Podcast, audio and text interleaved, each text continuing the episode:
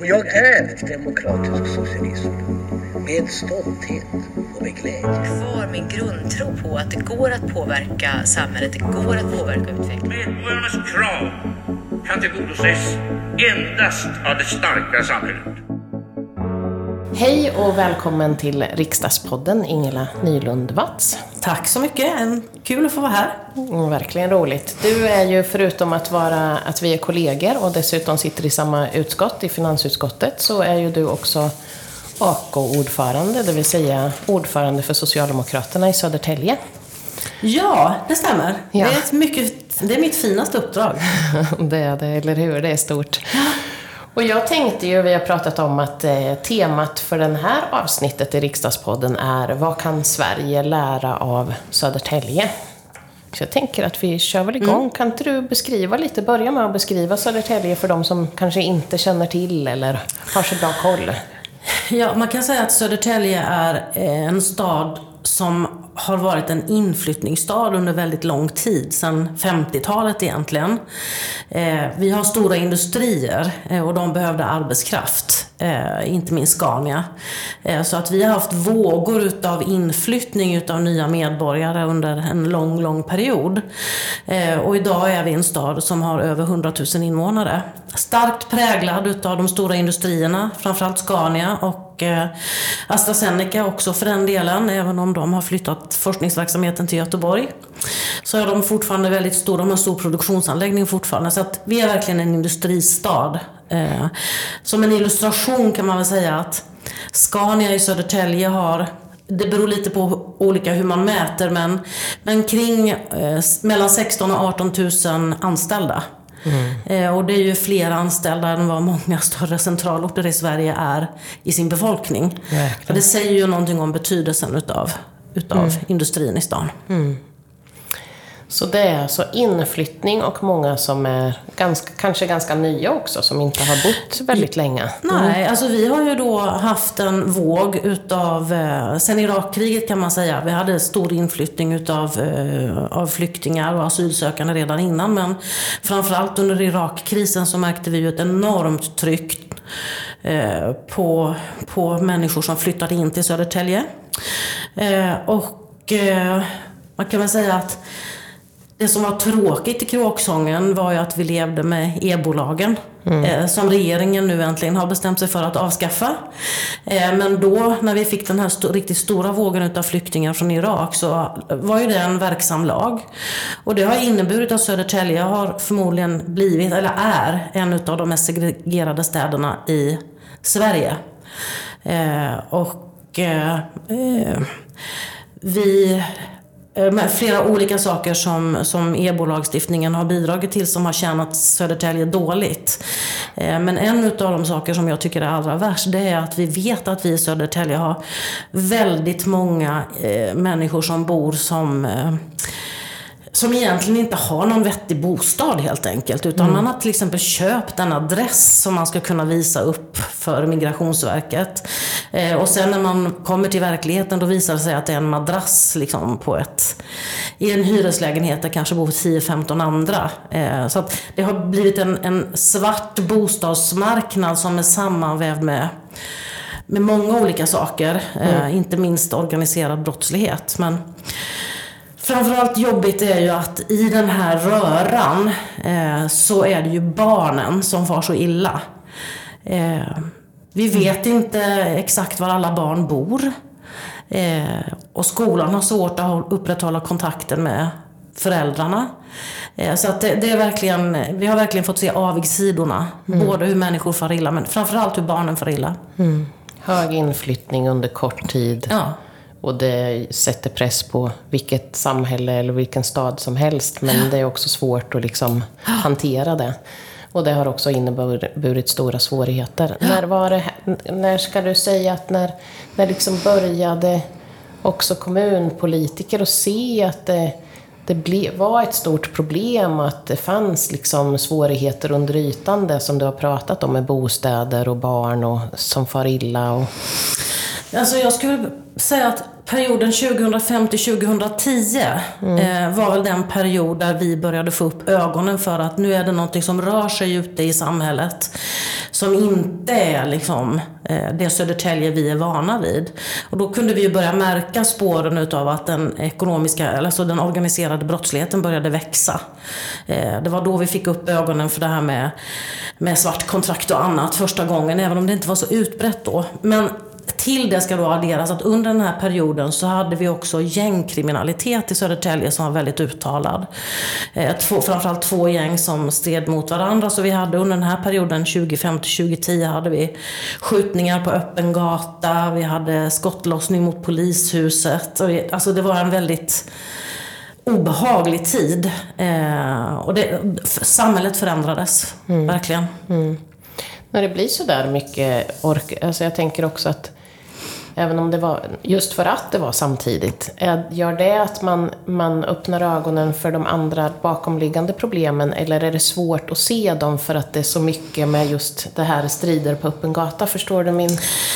Nej men alltså det, det, var ju inte bara skjutningar och så, utan det var ju också att vi märkte att narkotikaförsäljningen till exempel började öka ute i samhället. Och det är klart att när polisen då börjar nysta i detta eh, och märker att här är det någonting som pågår som är rejält osunt mm. eh, i samhället. Eh, och man börjar lyfta på de här stenarna då ger ju det ena det andra. Alltså narkotikaförsäljningen är ju liksom finansieringskällan för den grövre kriminaliteten och inkörsporten för rekrytering och sådär. Och när man börjar nästla i detta så ser man ju att den här typen utav kriminalitet eh, som, eh, som växte fram hos oss, den, den liksom åt ju sig in i många delar utav samhället har det ju visat sig senare. Mm. Men den här perioden 2005 till 2010 var nog den perioden när vi började få upp ögonen ordentligt för att det finns problem i samhället som, som vi måste adressera, vara öppna och ärliga med. Mm. Eh, så det skulle jag säga är en av de lärdomar vi har dragit, det är att inte väja för verkligheten. Utan att faktiskt säga till folk hur det är. Det är illa med mm. trångbod, trångboddhet och eh, ja, eh, det som hände i Södertälje. Det är illa, det måste göras någonting. Och att, att, blunda för den problematiken och försöka sopa den under mattan och tro att man kan lösa den bara genom några pennstreck i en, i en politisk eh, pamflett eller med ett politiskt beslut, det går inte inte. Utan det krävs mycket djupare tag än så. Mm. Ja, men det tänker jag också, för det är just det som, alltså hur man reagerar i en, i en kris skiljer sig också. Men var det så att för det var också Socialdemokraterna som styrde under den här perioden. Var det, var det liksom svårt också, så, vem har ansvar och vem gör vad? Eller tog man bara så här, nu måste vi göra något åt det, nu tar vi tag i det? Eller hur, hur var reaktionen? Alltså, det blev så här att eftersom polisen fick upp ögonen för den här utbredda, liksom, organiserade brottsligheten i Södertälje och de här gängen som ytterst var utlöpare utav det. Mm. Det handlar ju om strid om marknader helt enkelt i den mm. kriminella världen. Eh, då fick vi en väldigt stor polisinsats 2011. Jag måste titta på mm. fuskpappret. Men 2011 mm. fick vi en väldigt stor polisinsats till Södertälje. Den så kallade Tore 2-insatsen. Där polisen verkligen kraftsamlade resurser eh, för att liksom knäcka den här situationen som hade uppstått. Men samtidigt, eller det gjorde också, eh, polisens insats kompletterades också utav att kommunen förde till resurser. Eh, så att polis och kommun började arbeta mer systematiskt med varandra. Eh, och det arbetet satte igång på allvar där 2011 och idag, idag är det liksom en vedertagen arbetsmetod att kommunen arbetar väldigt nära eh, polis, det polisiära arbetet med gemensamma dragningar om utsättning och annat kring storhelg. Ja, du vet, allt det här. Mm, mm. Eh, vad ska, och, så, och framförallt är det ju då skolan och socialtjänsten i Södertälje som har ett nära intensivt arbete med polisen. Men, men med det sagt så det är inte bara dem. Hela kommunen har ett uppställ på att samarbeta med polisen. Eh, och vi har ju bland annat den ordningen nu, etablerad sedan ett antal år tillbaka, att vi har ju eh, socialtjänstpersonal som är placerade hos polisen i Södertälje. Mm. Så att man jobbar också fysiskt väldigt nära varandra och kan, kan lösa problem. Men här liksom byggdes upp allt ifrån chefssamverkan till gemensamma dragningar, gemensamma lägesbilder kontinuerligt. Liksom, Ja, allt. Och eh, en, en detalj i sammanhanget som är nog så viktig, det är att polis, den lokala närpolischefen i Södertälje deltar på alla kommunstyrelsens sammanträden. Just det, det har jag hört. Eh, Och det kan låta som en, det kan låta som en liksom, pikant detalj, men det är viktigt. Eh, därför att det legitimerar så tydligt behovet av samverkan mellan kommunen och polismyndigheten. Var det självklart från både polis och kommun att det skulle vara så här eller fanns det liksom jobbigt? Och hur, jag tänker också nu när det ändå har vi kommer ju till det hur det kunde bli till att det ändå har blivit bättre, alltså att det har blivit så mycket bättre. Har det också varit svårigheter att, att liksom upprätthålla det här? Att man säger att men nu är det lite lugnare så nu behöver vi inte samarbeta lika mycket. Nej, alltså jag upplever nog ändå att, att successivt, ända då från 2011, så har samarbetet fördjupats.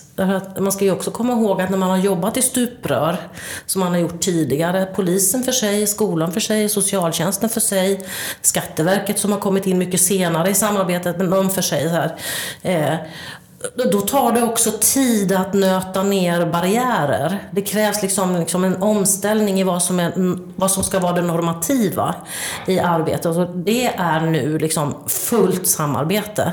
Men att komma dit eh, krävde ju sina år. Eh, för att det, det handlar om liksom att bryta vanor, eh, bryta, syns, byta synsätt i vissa sammanhang. Att liksom landa i det faktum att min, eller vår kompetens liksom i, vår, i vårt stuprör, den räcker inte för att lösa problemen i helheten. Liksom. Så att, ja, det, har, det har krävts nötande. Eh, och vi fortsätter att nöta. Ja, bra.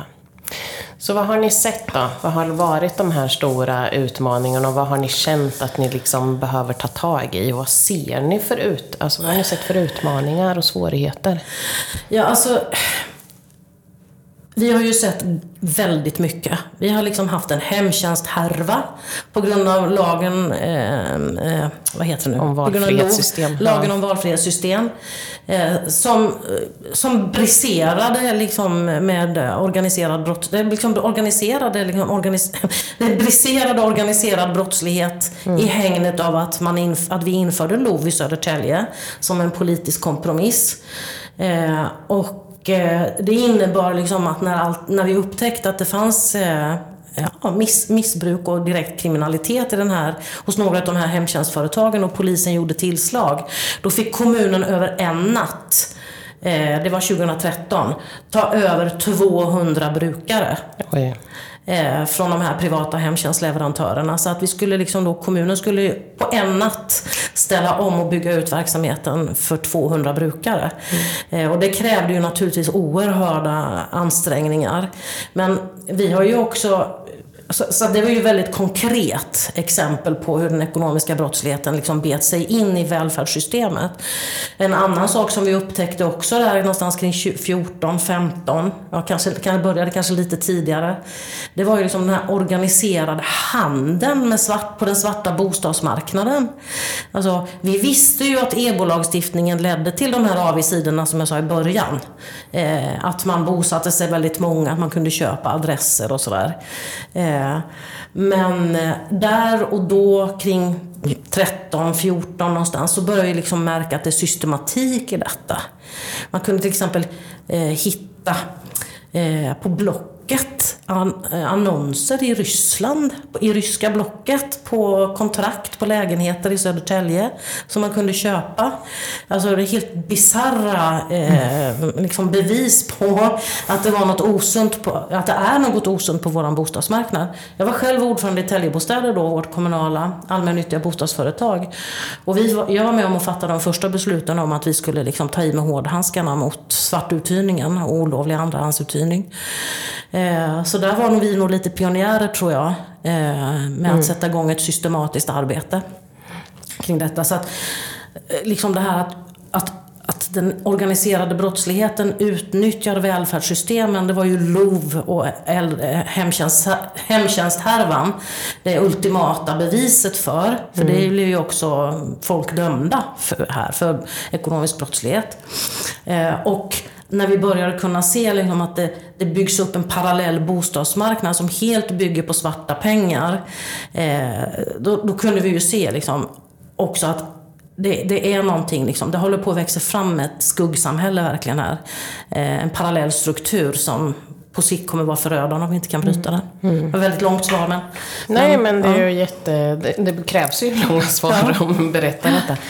Men har ni känt Alltså det har krävts resurser naturligtvis från kommunen och, och annat sätt att arbeta och sådär. Men har ni känt att ni har haft verktygen och möjligheterna eller är det saker som ni liksom har fått strida för att, att ni behöver ha förändrat? Jag tänker nationell lagstiftning eller andra saker som, som ni har parallellt behövt att jobba med? Eh, jag har jobbat jättehårt med de här frågorna. Ehm, till att börja med så har vi ju varit eh, i bräschen inte ensamma, men bland de som hårdast har drivit att avskaffa e-bolagen. Mm. Eh, och det har vi ju fått partiet med oss på.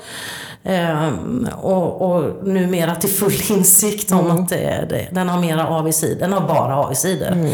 Inga, inga uppsidor. Eh, vi har, vi har liksom på grund av att vi har sett liksom de här bristerna i att vi inte vet var folk bor någonstans så har vi ju liksom tidigt uppmärksammat att vi måste få en bättre kontroll på folkbokföringen. Mm. Eh, för vi måste kunna veta var människor bor och vilka, ja, vad som är ett rimligt boende. Och, och hur lägenheter utnyttjas och sådär. Eh, så där har vi också jobbat på för att försöka få till förändringar när det gäller folkbokföringen. Vi vill ju helst ha en fysisk folk och bostadsräkning som man gjorde förr i tiden, eh, till mitten på 90-talet. Men eh, så långt har vi inte fått med oss parti eller regering. Mm. Men däremot har vi fått till skärpningar. Folkbokföringsbrottet har, har skärpts. Eh, och vi har också en försöksverksamhet nu eh, kring, för att liksom, säkerställa att folkbokföringen fungerar där vi jobbar tillsammans med Skatteverket bland annat. Mm. Eh, och så, där deltar vi i ett pilotprojekt för att liksom, få till bättre verktyg så att se till att folkbokföringen fungerar bättre. Mm. Det har också uppmärksammats en del med sekretesshinder och sånt där. Hur har liksom det har man ändå kunnat lösa? För jag tänker att det som du säger är ju att mycket har kunnat tagits tag i för att man har samarbetat mellan myndigheter mm. och kommun och sådär. Men har, finns det hinder? Är det något som man behöver göra något åt? Ja, men det är klart att det finns hinder. Ehm, för det är ju så att eh, sekretessen mellan myndigheterna gör ju det tungrot att försöka lösa problem eh, där vi ser liksom att här pågår det orimligheter eller rent fusk. Eh, så att jag är naturligtvis en förespråkare för att sekretessen måste lättas mellan myndigheterna eh, för att vi ska kunna liksom, få ordning och reda i välfärden. Eh, och jag tror att tiden tickar åt rätt håll i den här frågan. Eh, det är en debatt som är högst aktuell just nu. Så att jag ser med tillförsikt på att vi kan få en förändring där. För att vi har, ju, vi har ju, en av de saker som har varit mest positiva för Södertäljes ekonomi har ju varit, och för naturligtvis eh, den allmänna liksom, moralen eh, mm. kring, kring välfärden, har ju varit att vi genom ett systematiskt arbete har kunnat sänka kostnaderna för socialbidraget, eller försörjningsstödet som det heter, med 100 miljoner på ett antal års sikt. Där vi har fått gneta verkligen för att verkligen reda ut att, att det brukarna eller det, det de som ansöker om försörjningsstöd säger stämmer. Eh, och då har vi fått hitta lite vägar som inte tassar i, i lagens eh, utmarker men som ändå har krävt lite knix och tricks för att, eh, för att få till stånd en förändring. Mm. Jag tänker att det är en enorm summa för en stad som Södertälje. Det var väl också lika stor summa som kost, de ökade kostnaderna för LOVen, eller i ja. hemtjänsten också var den låg väl någonstans där va? Precis. Så ni har ju både sparat in, alltså de resurserna jag satt in, mm. har både sparat den ökade kostnaden för, för hemtjänsten och eh, sparat också pengar i, i socialbidrag eller försörjningsstöd. Att man har liksom vänt och vridit mm. på. Så även om det har kostat så har ni också fått lite resurser tillbaka mm. och lägga på mm. detta. Mm.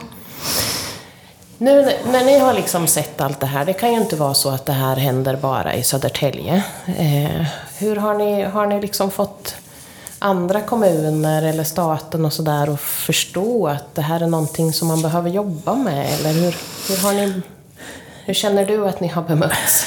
Vi har bemötts väldigt väl och med stort intresse. Eh, både det här som har att göra med kommunens eget arbete med liksom att stävja eh, fusk och missbruk med bidragssystemen. Eh, och kommunens möjlighet att delta i att upptäcka välfärds, brott mot välfärden. Och samarbetet med polisen. Alla de tre sakerna har, fått, har, har vi fått väldigt stort intresse för.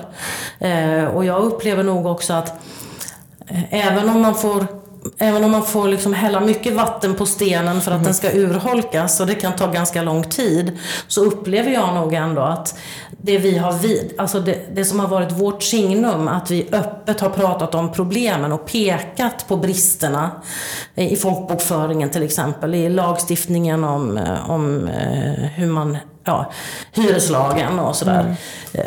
Även om det tar lite tid att få till förändringar så upplever jag ändå att det vi säger bör, har börjat nå fram. Mm. Så att vi ser med tillförsikt på framtiden. Mm. Har ni fått diskutera, har det kommit frågor under vägen, jag tänker överlag i, i Södertälje och sådär, mellan de olika värderingarna av detta? För en del kan ju reagera när man säger att man ska vara hård mot välfärdsbrotten, att det är precis, alltså som om man har synpunkter på välfärden i sig och dess system. Men vad, vad, vad, säger du om det? Är det viktigt att ha ordning och reda? och, och hur ska man tänka med det? Liksom? Alltså jag tror att, att kunna påvisa att det är ordning och reda i våra välfärdssystem. Eh, det tror jag är själva grundbulten för att vi ska kunna upprätthålla ett folkligt stöd för dem. Mm. Eh, för om, om man kan misstänka liksom att eh, det är för lätt att sko åt sig pengar, eller så, sko åt sig så att säga på det, på det allmännas bekostnad. Mm. Eh, då, då minskar också eh, liksom förtroendet för det allmänna. Eh, så att, att kunna visa på att vi tar krafttag emot fusk och bidragsbrott och vad det nu är. Samtidigt som vi jobbar stenhårt med att minska eh, nyrekryteringen till gängen genom stora satsningar på skolan. Alltså, det tror jag är liksom en grundbult för att upprätthålla förtroendet för, för välfärden så som vi ser den i Sverige. Mm. Eh, om vi tillåter och blundar för Eh, Eh, att det till och med finns organiserad brottslighet som ger sig på bygglovshandläggare och som försöker fuska med hemtjänstföretag och alltså allt det här som vi har upptäckt. Ehm, då tar det nog inte lång tid innan, innan eh, förtroendet för välfärden eroderar. Och då får vi ju andra typer av system som tar över liksom, den demokratiska parlamentariska, eh, det demokratiska parlamentariska systemet. För då byggs det ju upp nya strukturer. Det förs det ju en debatt om i Sverige att ja, det finns strukturer som i vissa bostadsområden tar hand om sin egen rättskipning mm. eh, och som har sina egna lagar för hur det ska fungera i lokalsamhället. Eh, och det, vi är, det väger där nu. Eh, så ska vi komma till rätta med det här och undvika att vi cementerar liksom att vi får parallella strukturer i vissa bostadsområden i vissa kommuner. Eh, då måste vi verkligen våga tala öppet om problemen. Mm. Så man kan säga att det här också handlar om att liksom, eh, kämpa för samhället och demokratin.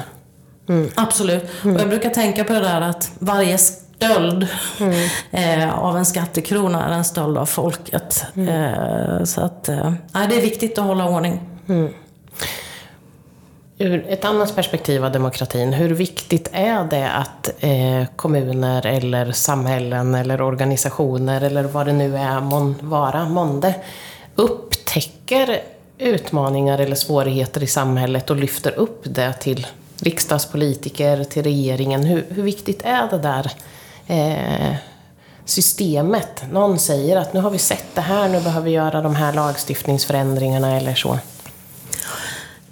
Ja men det är ju jätteviktigt om, om vi inte talar öppet om de problem vi ser i människors vardag och i umgänget mellan oss och hur, hur vi ska interagera mellan medborgare och myndigheter och, och sådär. Medborgare sinsemellan. Om vi liksom om vi, om vi struntar i att se de problemen och lyfta upp dem, då kommer de ju att växa och frodas.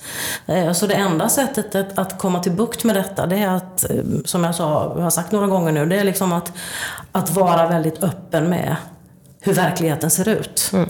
Eh, vi tjänar inte på liksom att, att skönmåla verkligheten därför att människorna som bor i den verklighet vi talar om, de ser den så som den är. Och om vi då pratar om verkligheten på ett sätt som målar över eller skönmålar, då känner de sig inte hemma i beskrivningen. Mm. Eh, så att eh, det är en fråga om liksom ja, att vara rak och ärlig med hur samhällsbygget ser ut och var det brister. Mm, för det skapar ju inte heller förtroende för politiken eller samhället och att det finns en möjlighet att, att lösa svårigheter. Så kan man konstatera då, det här blir ju också en sån här ledande fråga, kan man konstatera att Södertälje har något att lära Sverige eller resten av kommunerna?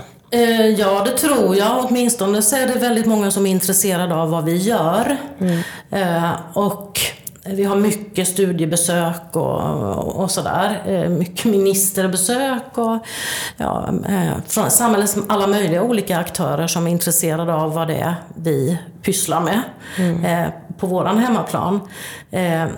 Men det som jag tycker är det roligaste utav, alltså det som jag ser som mest positivt är inte bara det att vi har nått framgångar i att få till stånd förändringar i, i lagstiftning som vi ser är nödvändig.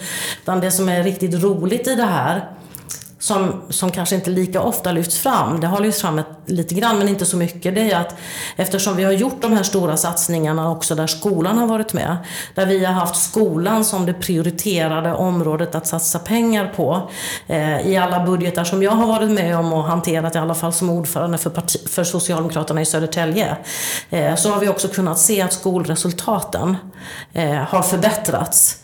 Eh, och det tycker, liksom, jag kan tycka att det är ett bra kvitto ändå på att vi gör saker och ting i Södertälje som som pekar positivt framåt.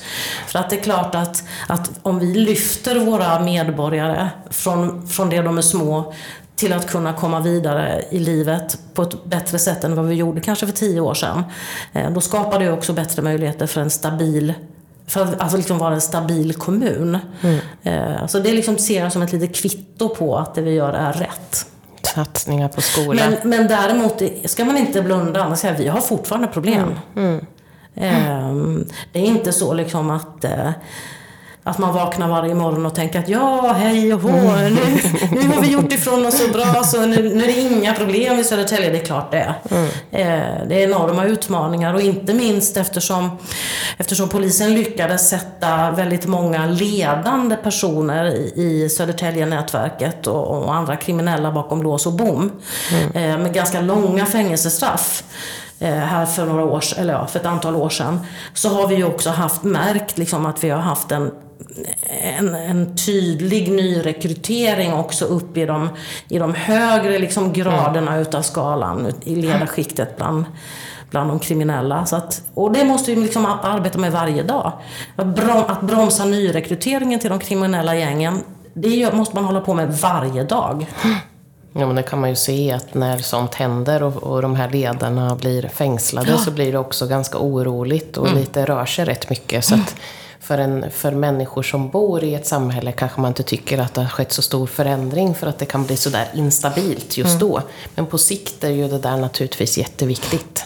Men då måste man göra både och. Mm. Fängsla och eh, minska och hejda mm. nyrekryteringen in. Mm. Och då är skola och utbildning naturligtvis viktig också. Mm. Har vi glömt något som vi borde ha pratat om? Finns det något som du känner att men det här har ju faktiskt varit superviktigt? Eller? En liten detalj mm. som är jätteviktig. Mm. Eh, vi hade ju problem, jag antydde ju det med att vi hade problem med våra bygglovshandläggare. Vi märkte att liksom beviljades bygglov ah. lite konstigt sådär. Mm. Eh, eh, och det ledde till att vi fick, eh, på vår stadsbyggnadsavdelningen, fick helt enkelt avskeda folk. Eh, så att i samband med det så införde vi säkert Sveriges strängaste markanvisningspolicy. Mm. Och varför gjorde vi det? Jo, därför att vi vill att de som etablerar sig i Södertälje ska vara de rätta så att säga. Vi vill inte att det ska flytta in eh, alltså, byggfirmor som bygger på lite konstiga grunder och sådär. Så ska, ska, man, ska man bygga på mark i Södertälje och köpa mark av Södertälje kommun, eh, då är det stränga regler som gäller och hård kontroll. Eh, så det är en sån där detalj. Mm. För i den där branschen är det ju allmänt känt att det finns ganska mycket ruffel och båg. Mm. Det är en liten detalj, men det är någonting vi också har gjort. Sträng markanvisningspolicy. Ingen får köpa mark hur som helst hos oss. Det krävs ordning och reda för att ja. stävja fusk helt enkelt. Precis. Ja. Ja, men toppen. Stort tack Ingela Nylund Watz för att du var med i Riksdagspodden. Det var Tackar. jätteintressant att höra. Kul. Tack. tack. Hej. Hej.